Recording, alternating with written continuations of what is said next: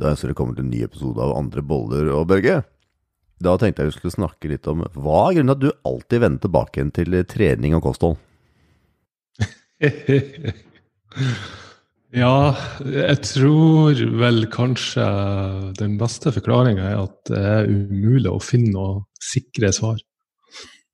Jeg, jeg, finner ikke noen konkrete svar, og derfor så kverner huet mitt uh, fremdeles på hvordan jeg skal klare å forstå ting og sette det i perspektiv. Og det er så mye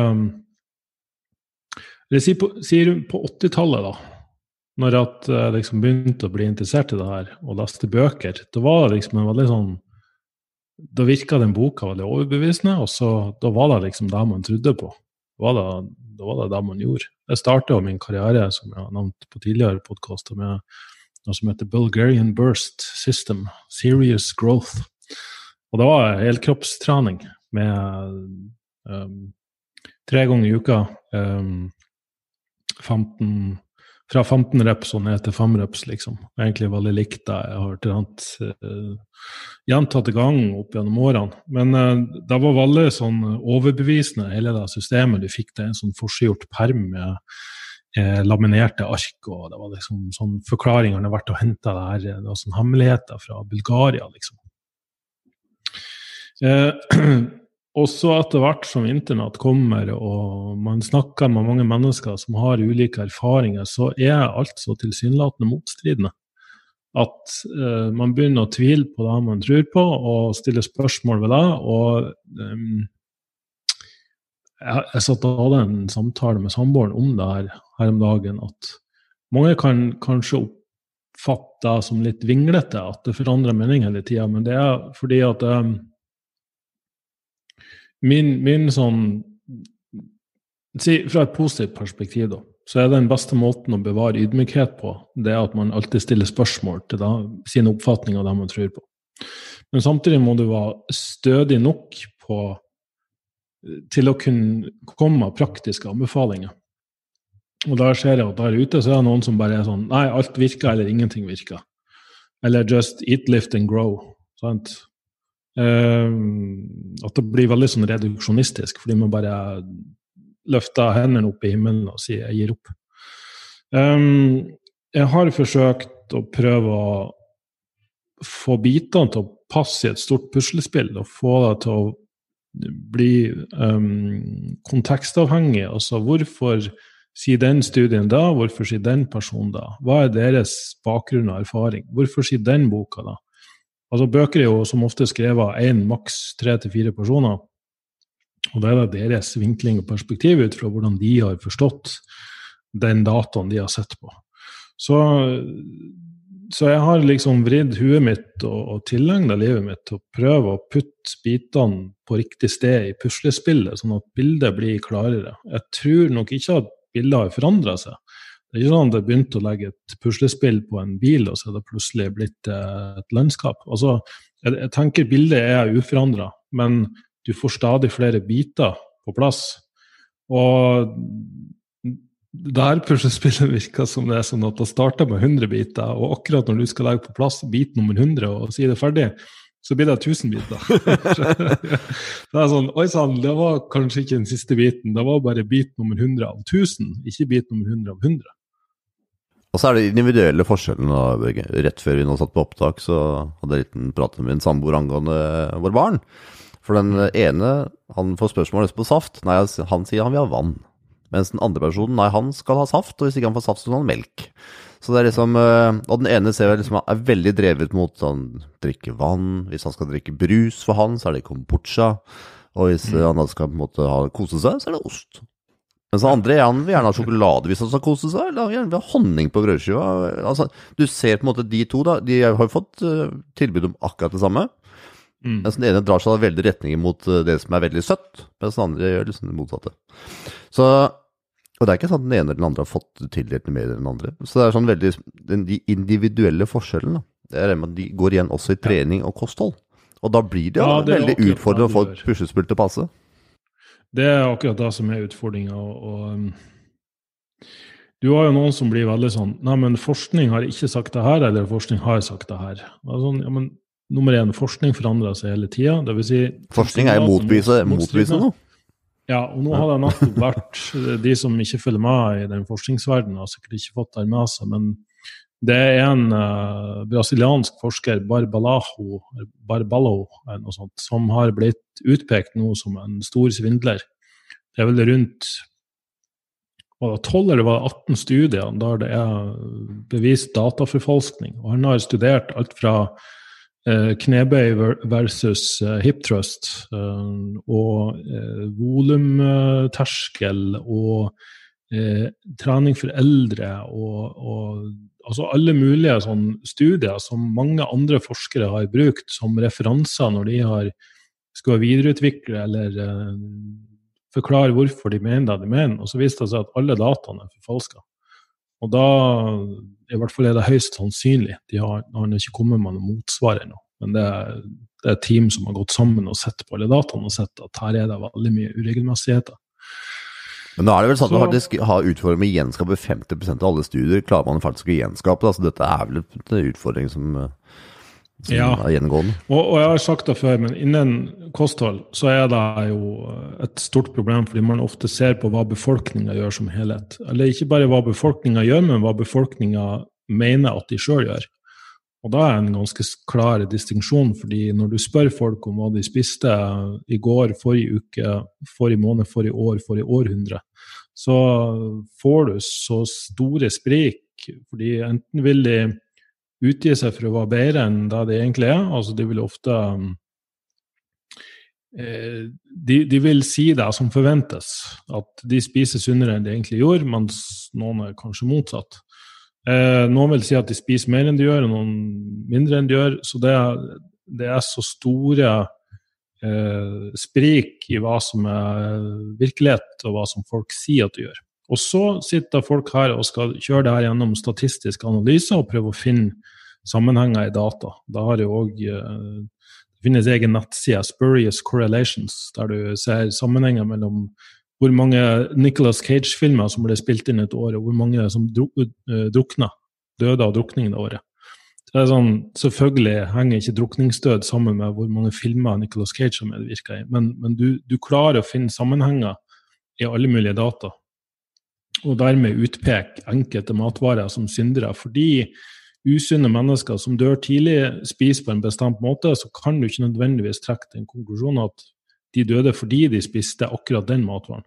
Det kan være at de hadde en usunn, eh, en usunn livsstil generelt, og, og, medvirkende til den usunne livsstilen så er det f.eks. at de spiser veldig mye prosessert mat, bacon og burgere og liksom Ja. Og da utpeker man kjøtt som en stor synder, og det her må man holde seg unna. Og så ser vi på vår evolusjonshistorie der mennesker har jo det her vet vi, det her er fakta, dokumentert, at vi har i større eller mindre grad, anslagsvis mellom 50 til 100% av kostholdet vårt energimessig har bestått av animalsk. Altså vi har jakta og fiska. Og så har vi kvinner som står bak og, og er sankere, og det er ikke noe kjønnsdiskriminering det er bare sånn kjønnsroller har vært opp gjennom Eh, hundretusener av års utvikling. Og kun de 10 000 siste år har vi begynt å kultivere eh, kornprodukter og, og, og, liksom avle opp dyr til, til, å kunne tilby melk og egg og, og kunne slakte når vi ønsker. Så her, det har vært en eh, evolusjonsbasert, men også genetisk påtrykk for de fysiologiske endringene og hvordan vi, vi mennesker har spist. Men, men, de siste jeg vil ikke bare si de siste 10 000 år siden vi begynte å, å bli bønder og så flytte inn til byer, altså den industrielle revolusjonen, men bare de siste 50 år har jo samfunnet og miljøet forandra seg ekstremt mye. Matkvalitet og tilgang på mat. Så, så, bare for å oppsummere, det har vært mye bobling her, jeg føler, men i hvert fall innen kosthold, så, så, må du holde tunga rett i munnen. Uh, for på ene sida kan du tolke hva mennesker av nødvendighet har måttet spist, og selvfølgelig da hvordan kroppen har tilpassa seg det her, sånn at vi er bedre på å fordøye enkelte typer mat enn andre ting. Vi har også utvikla jaktmetoder og redskap og verktøy og eh, tilberedningsmetoder, sånn som fermentering, fermentering og syr, syrning og baking og koking og steking.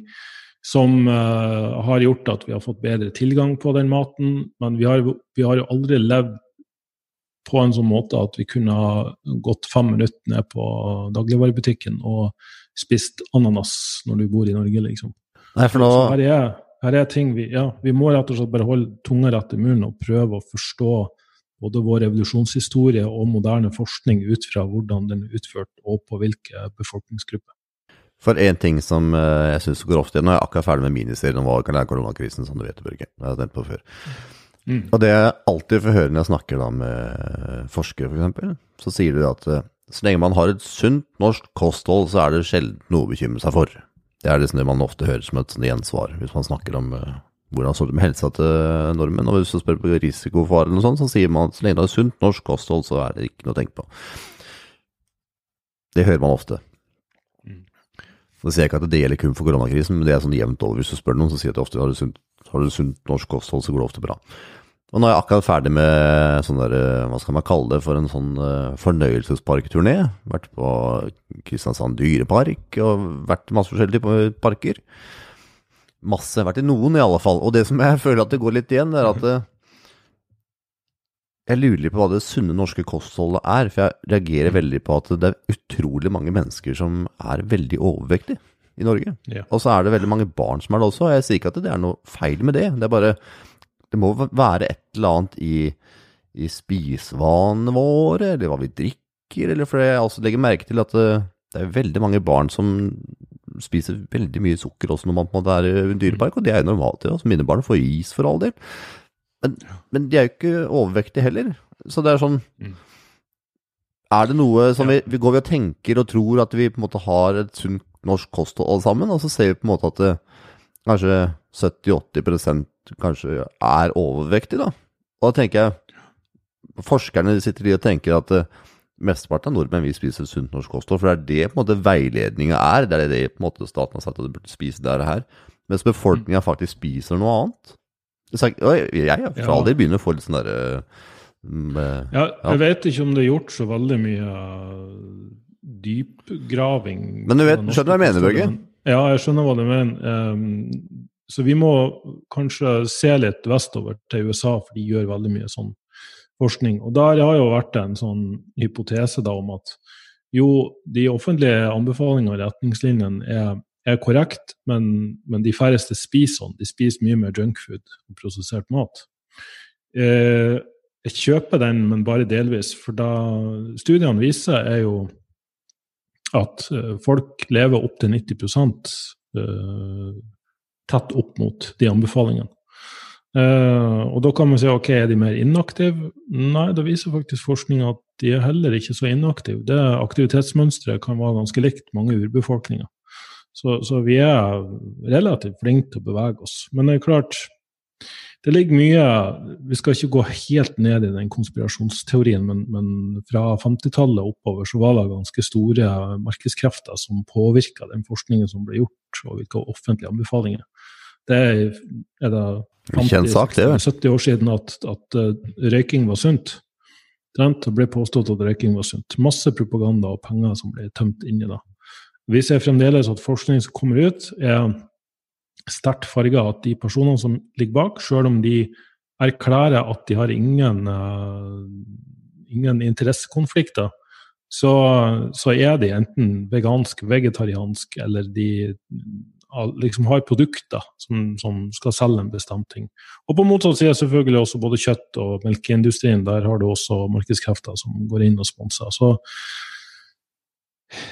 ja, men jeg tror ikke det er der det sitter. Jeg tror liksom ikke det sitter akkurat på kjøttindustri og det vegetarmat. Jeg tror liksom ikke det er der det sitter. Og da, var, og da, var, egentlig poenget mitt Jeg tror ikke det her er kjøtt versus grønnsaker det handler om. Det er at nummer én, folk spiser for mye. Og hvorfor spiser de for mye? Jo, for mat er veldig lett tilgjengelig. Det er det ene. Og det andre er at eh, folk spiser jo ikke et vanlig kornprodukt. De spiser jo honningkorn, f.eks. Eller cornflakes.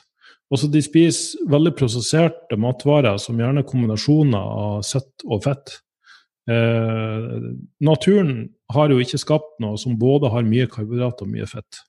Men det gjør matvareindustrien. De skaper ting som både har eh, karbohydrat og fett. Og da er ikke vår hjerne forberedt på. Altså vi, vi responderer på en sånn måte at vi blir trigga til å spise mye mer. Eh, nummer én kombinasjon av sukker og fett, som da i tillegg er kaloririk. Eh, Men det er jo sånn i melk, ja, Brage. Sånn i, i, i, morsmelk så er det jo veldig mye ja, fett og sukker. Det, det, stemmer, og det er jo noe babyen bruker for å vokse seg til å bli en voksen mann. Eller til å utvikle seg den, den, perioden i livet vi vokser mest, er når vi drikker melk. Ja, og da er liksom spørsmålet Er det sånn at vi mennesker bare fortsetter å ville ha det samme som vi fikk når vi fikk morsmelk, altså mye mer fett og sukker? Så lenge det er det vi trigges veldig av, da, tydeligvis? Ja, altså Du kan si når naturen begynner å tilby veldig søte ting, så, så feites vi opp. Altså i løpet av sommeren når uh, frukt og bær blir veldig søtt, Eh, nå skal det godt gjøres å, å, legge på så veldig mye når du, bruk, når du spiser da, men dyrene i naturen feiter seg opp når, eh, når, høsten kommer. Og det gjør de fordi de, det som er tilgjengelig av næring, er veldig lett tilgjengelig og veldig næringsrikt. Og så har vi da, vi mennesker har jo da hatt et kosthold som er rikt på fete dyr og, og frukt og honning og alt mulig sånt. Um, Sånn at det er jo en syklus som går igjen i løpet av sesongene og året. Eh, med mindre man selvfølgelig bor rundt ekvator, for da har man jo tilgang på, på både plantekost og dyr året rundt. Eh, men liksom bare for å holde det her litt sånn reduksjonistisk og enkelt, så, så er ikke hjernen veldig godt designa for høyprosessert mat som er ekstremt energirik, eh, og da spiser mye av det. Lett tilgjengelig mat og et aktivitetsmønster der ikke vi trenger å gå ut og jakte og sanke denne maten for å, for å få tak i de kaloriene. Eh, og da, da, har du liksom en sånn da har du et regnestykke som ikke går opp. Og det skal ikke så veldig mange ekstra kalorier til før at vi nummer én har mista den naturlige appetittreguleringa, men at vi får insulinresistens og, og, overvekt og dermed også diabetes, inflammasjon i kroppen. og eh, aller siste punktet er nok at vi har um, Jeg vil begynne å se gode bevis på at mange av de matemnene i det moderne kostholdet, enten fordi de ikke behandler riktig, eller fordi de rett og slett unaturlig, påvirker tarmfloraen, bakteriefloraen i tarmen og tarmcelleveggens eh, integritet. Dvs. Si den brytes ned, og, og, du får noe som vi kaller bare på populært lekk tarm som skaper en immunforsvarsreaksjon i kroppen, som kan både forstyrre metabolisme, dvs. Si stoffskifte og hvor kaloriene styres, men også trigge sykdomstilstander i kroppen som, som bare gjør at vi ja, rett og slett blir feit og syk. Jeg fikk jo tenkte på noe mens jeg da selvfølgelig gikk på den dypakken, for var jo det lenge og lenge lengst. Eh, og jeg da begynte i akta der, syns jeg det var så veldig mange mennesker som uh, havna i den uh, kategorien her. Så jeg tenkte litt på Gjør mennesker bare dårlige valg, eller går det egentlig ut fra uvitenhet og hva man tenker at alle andre gjør? Fordi at uh, mens spurte meg her om dagen Pappa, kan jeg få telefon? For da var det en i hans barnehage, han begynner på skole, som uh, hadde fått telefon. Og jeg som forelder syns det er helt uh, Jeg bruker ordet hårreisende. For jeg ser hvor fort barn blir avhengig av skjermbruk. Uh, og jeg kan se hvor fort han på en måte kunne bare gått og kikka på telefonen sin. For det er veldig avhengighetsdannende. Og jeg syns at det barn da skal begynne å bruke noe som er så avhengighetsdannende i så ung alder, syns jeg er helt uh, Ja. ja. Mm. Uh, og jeg tenker at det er de som det, foreldre som da gir barn kanskje telefon eksempelvis i en tidlig alder, så har de sikkert de en annen tanke med, men kan også tenkes at de på en måte har et annet informasjonssett enn det jeg har, muligens. Kanskje ikke de har satt seg så mye inn i hvor avhengig stand det kanskje det er. Kanskje ikke de har så mye grunnlag til å ta avgjørelsen, da. Uh, jeg tenker kanskje det kan uh, også handle om det med mat. At mange kanskje har Sånn som jeg har jo vokst opp med å spise cornflakes og honningkorn, eksempelvis. Jeg spiste jo loff med banan og sukker. og syntes ja. det var veldig godt. Uh, og jeg kunne jo fortsatt med det samme til mine barn om ikke jeg hadde vist at det kanskje var en smule usunt. Mm. Så det har jo noe med at vi gjør jo, vi gjør jo valg basert på de dataene vi har. Og det er jo ikke alle ja. som er like opptatt av trening og kosthold som det muligens du er, Børge. Og da blir det litt sånn at det, ja, ja, vi kan snakke om fermentering av mat, men så blir det sånn at for mm. noen som er helt i andre enden av skalaen, så sånn fermentering av mat, hva snakker du om? Jeg pleier å spise honningkorn med sukker og syltetøy på til frokost. Altså, ja. Det, jeg tror det er, så, det er så langt spekter imellom, da. Så at vi sitter og diskuterer Skal man spise kjøtt eller vegetar. Men at det, vi, vi får ikke med oss 80 yes. av de andre. Ja, det, altså det fundamentale drukna i støyen fra de her eviglange diskusjonene om, om, hvorvidt du skal spise planter eller kjøtt, eller metta fett versus uh, enemetta. Og, um, for 50 år siden, når vi ikke hadde den tilgangen på informasjon som vi har, så måtte vi i større grad finne svaret i oss sjøl og blant de som er i vår nærmeste omkrets. Eh, offentlige anbefalinger ble nok ikke så De fikk ikke så stor påvirkning på folks liv. Nå blir vi bombardert med informasjon fra alle kanter, som da kombinert med den enkle tilgangen vi har på energirik mat og mat fra hele verden i, i et stort mangfold og, og alle mulige smaker um, Og vi, vi, tar veldig mange avgjørelser basert på vår, våre følelser. Altså Vi er veldig emosjonelt styrt. Så, ja, og hva andre gjør. For det er en ting jeg ja, merker til. ja, ja, selvfølgelig hva andre gjør. Vi er jo flokkdyr av natur. Så, så der vi før kanskje tok beslutninger basert på hva folk rundt oss i, i, i eh, omgangskretsen vår og byen vår og landet vårt eh, Kanskje ikke engang landet, men bare byen vår. Eh, og si at du, du bodde i, i, Tønsberg, en av Norges eldste byer, som har hatt både fiske og eh, selvfølgelig fått inn en del handelsvarer fra, fra utlandet, men vi spiste veldig mye mer sesongbasert. Nå kan vi da, som jeg nevnte, spise ananas i desember, fordi vi har tilgang på mat fra absolutt hele verden.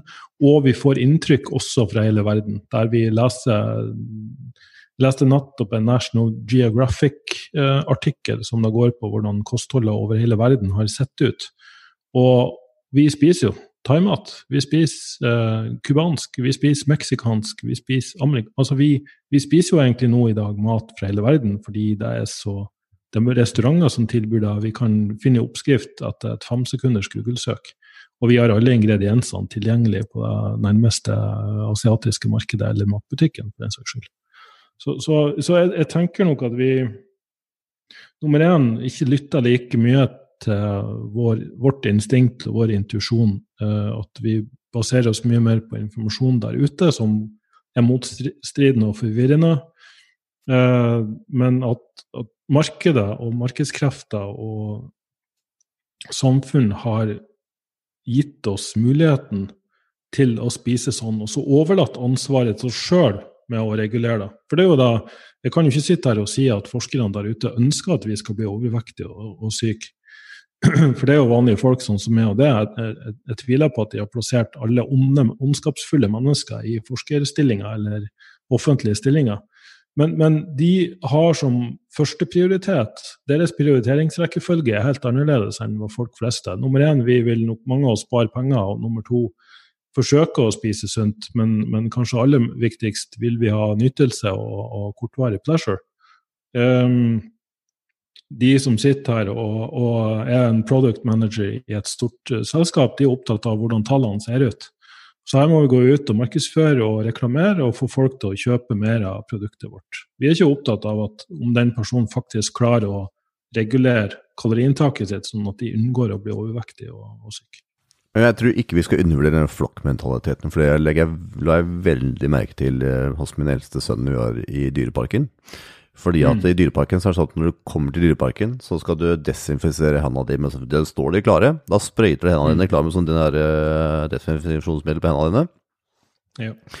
Og så går du nøyaktig 50 meter fra du er desinfisert til du skal, skal gjøre en handel, gjøre en aktivitet. Og der står de klare med mm. sprayflaska igjen.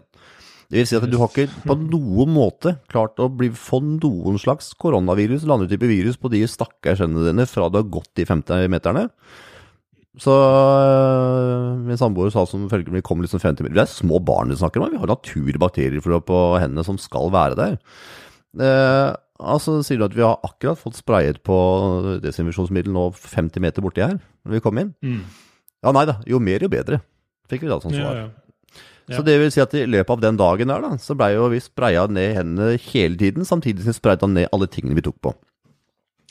Og så sier jeg til min sønn at Vet du hva, du har, du har ikke tappet noen ting, så du, du trenger på en måte du, Han gnidde begge hendene sammen opp, sånn som man, som, man, som man ser andre gjør. ikke sant? Man tar hendene sammen, så gnir man opp overalt. Og så sier at De sprayer opp den ene handa, du kan bare ta der, så, så tørker du det bort. For det sier seg selv at det er ikke mulig for han å få noe, få noe virus fra den ene plassen til den andre plassen. Han har blitt desinfisert, uten at han tar vekk alt som han naturlig på handa si. Mm. Men jeg ser at han ville ikke gjøre noe annet enn det som andre gjorde. Så mm. når han så at resten måtte andre grinde hendene veldig godt, så ville han gjøre akkurat det samme. Og der ser man på en måte den derre hvor sterk den flokkmentaliteten å gjøre det alle andre gjør, er. Så man ser at andre eksempler som går og måte, kanskje drikker en form for, for, brus eller spiser en viss ting, så blir det sånn at de gjør det, så da blir det sånn at de føler de vil gjøre det samme selv. Så jeg, jeg tror ikke vi skal undervurdere hvor ekstremt sterk den der flokk mentaliteten Altså, den er, jeg ble helt sjokkert altså, hvor sterk den var. Og jeg har jo mennesker som kommer til meg og, og, og er overvekt eller har dårlig helse eller har en, altså noe de vil fikse med trening og kosthold. Og de får en matplan med det jeg mener er jo helt vanlige, ordinære matvarer som du får kjøpt på enhver dagligvarebutikk. Men presset fra familie kan ofte bli så stort at de, de holder ut i tre-fire uker, og så takler det ikke mer. De måtte liksom spise den kaka, og de måtte eh, ha, ha, pizza på lørdag og gå en, en, halv kilo godteri fordi resten av familien gjør det, og de klarer ikke å være de eneste som Og, og det, det her er jo liksom folk som bare ønsker å få en bedre hverdag, gå ned i vekt, eh, altså gjøre en positiv endring. Men, ingen av de unna, unna de der, eller på en måte de Folk vil jo egentlig ikke endre seg så mye sjøl, og da, hvis no, de ser at noen endrer seg, så, så, er de veldig raskt ute med å få de til å gå inn i, på linje igjen. Dette begynner veldig raskt, Børge. Fordi at mine barn har aldri hatt noe begrep om lørdagsgodt. Og det er fordi at vi er ikke sånn som handler inn til lørdagsgodt. Det er bare sånn vi aldri har vært. Uh, og da er det sånn at hvis vi er sammen med noen som, da, som har barn, eksempelvis, som er sånn som har lørdagsgodt, så blir det sånn at de skjønner ikke hva man liksom snakker lørdagsgodt. Hva, hva på en måte snakker de om nå? Mens andre som er vant med de maser hele dagen fram til man liksom får handla det lørdagsgodtet, fordi at man nettopp er vant med det. Mens da kan jeg legge merke til det, da kan mine barn begynne å spørre om det samme. Ja vel, hvilke dag er det i dag? Skal vi ha godt i dag? Da ser man hvor fort på en måte, For godt er jo en veldig dopamin, ikke sant. Man får en veldig sånn der rush av en følelse. Og da ser man hvor fort den der følelsen setter seg også, så at de kan komme og spørre skal vi ha det. Mine barn får da is, eksempelvis. De er glad i is. De er ikke sånn som er veldig restriktive, at ok, det er kun lørdag du får is, men de får en is hvis det passer. Så det er ikke sånn at de ikke får noe som er søtt eller er sånn som Nei, nei, nei, det er liksom ikke det det handler om. Det handler om hvilken vaner og rutiner en familie har. Og vår familie har ikke noen vaner og rutiner på det lørdagsgodt.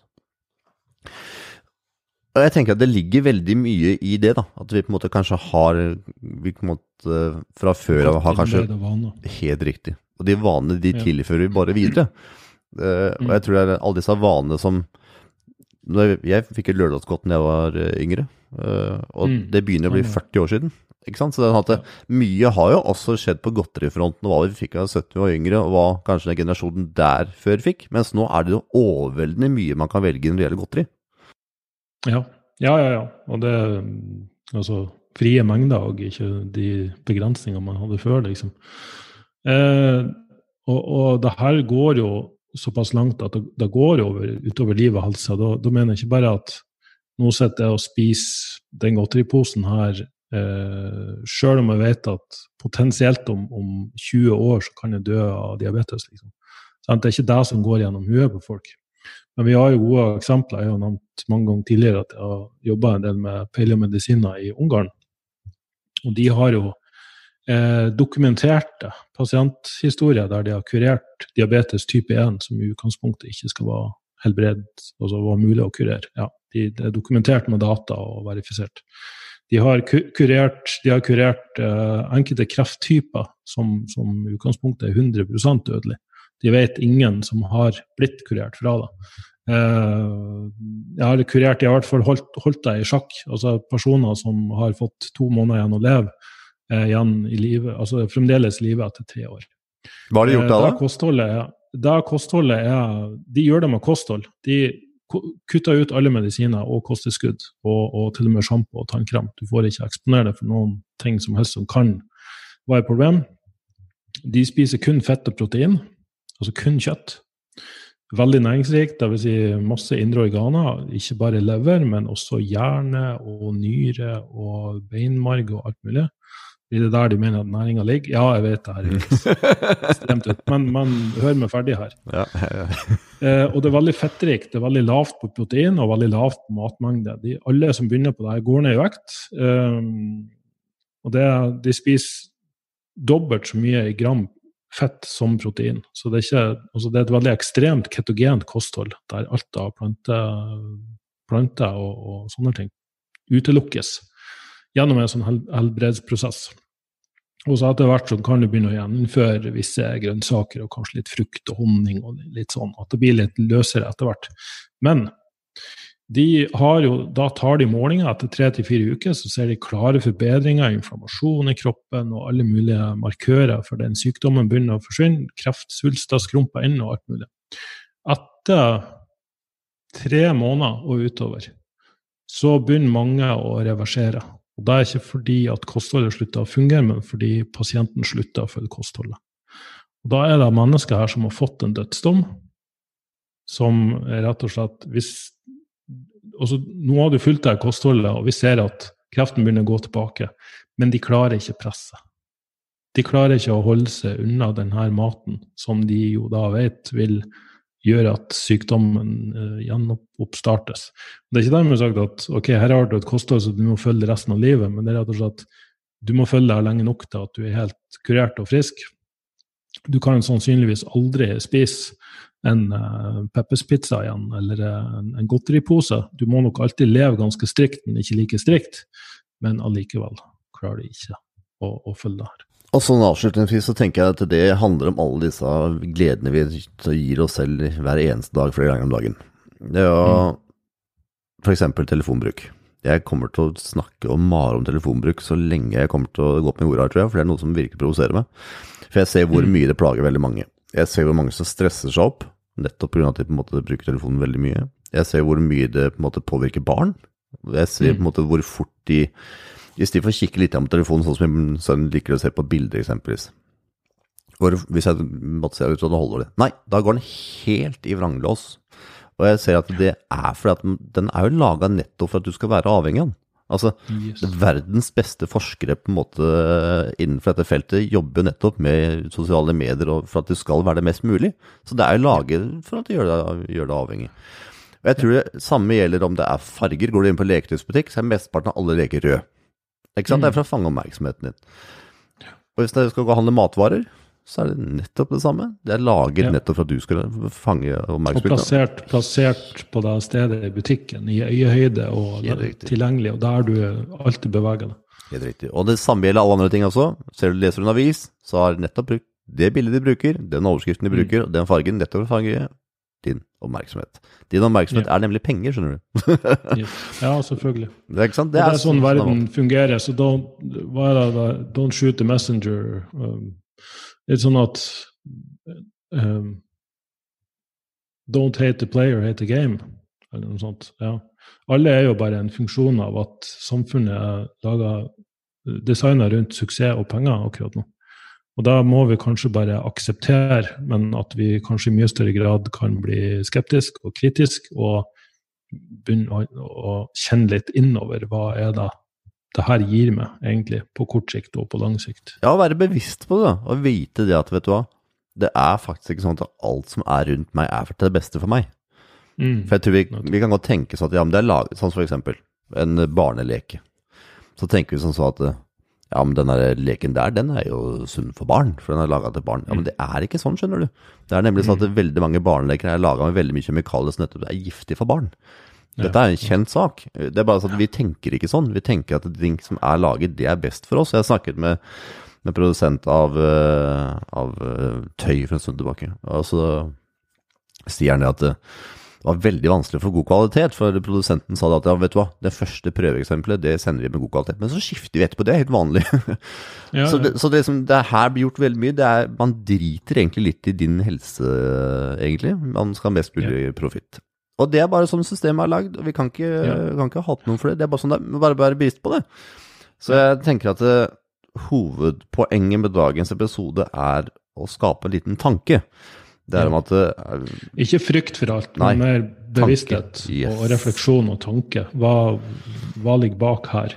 Hvorfor skal jeg tro på det her? Er det her egentlig bra for meg? Ja, og er, er du en av de som følte litt truffet nå når jeg sa det med overvektighet, så mener vi jo ikke å støte noen. Eller hvis Nei, du har en sønn eller datter som bruker telefon, så er det på ingen måte for å støte deg som gjør det. Det er bare nettopp for å skape en tanke om at det, kan det kanskje forbedres, eller er det kanskje Det er tanker, og tanker må på en måte Man må sette spørsmålstegn for at eh, man skal kunne forbedre det. Og jeg regner med å høre på podkast som han, heter Handreboller. Ja. Så må det være for nettopp du ønsker å gjøre noe nytt i livet, og da er det jo nettopp å skape Nå skal det bli andre boller. Bli andre Da må du eh, ta litt tak. My Revolution det er jo som sagt, altså visjonen bak er jo skape en, en indre revolusjon for akkurat det den enkeltpersonen som sitter og hører på. Og da må vi si Men jeg tenker, Nå har vi jo snakka veldig mye om tanker og kostnader og alt mulig sånt, så, så vi, kanskje neste episode skal vi prøve å Jeg har gjort meg en del refleksjoner rundt det her med trening også. Eh, og, og ja, nye erfaringer og, Så bra. og en del interessant forskning. Så kanskje folk begynner å bli litt lei av å høre på at vi sitter og, og snakker om Nei, da kan det ikke bli.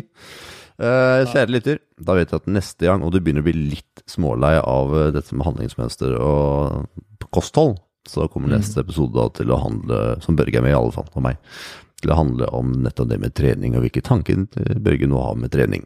Så her blir det fin kombinasjon. Ja da, det, det skal bli bra, det her. Og er du en av de som har blitt dritlei, så send oss gjerne forslag til hva de skal ta opp på tematikk til podcast at myrevolution.no. Så til neste gang, tusen, tusen takk for at du hørte på, kjære lytter, og ha en strålende dag. Ha en fin dag, Brøge! Ha en fin dag. Ha det. Ha det.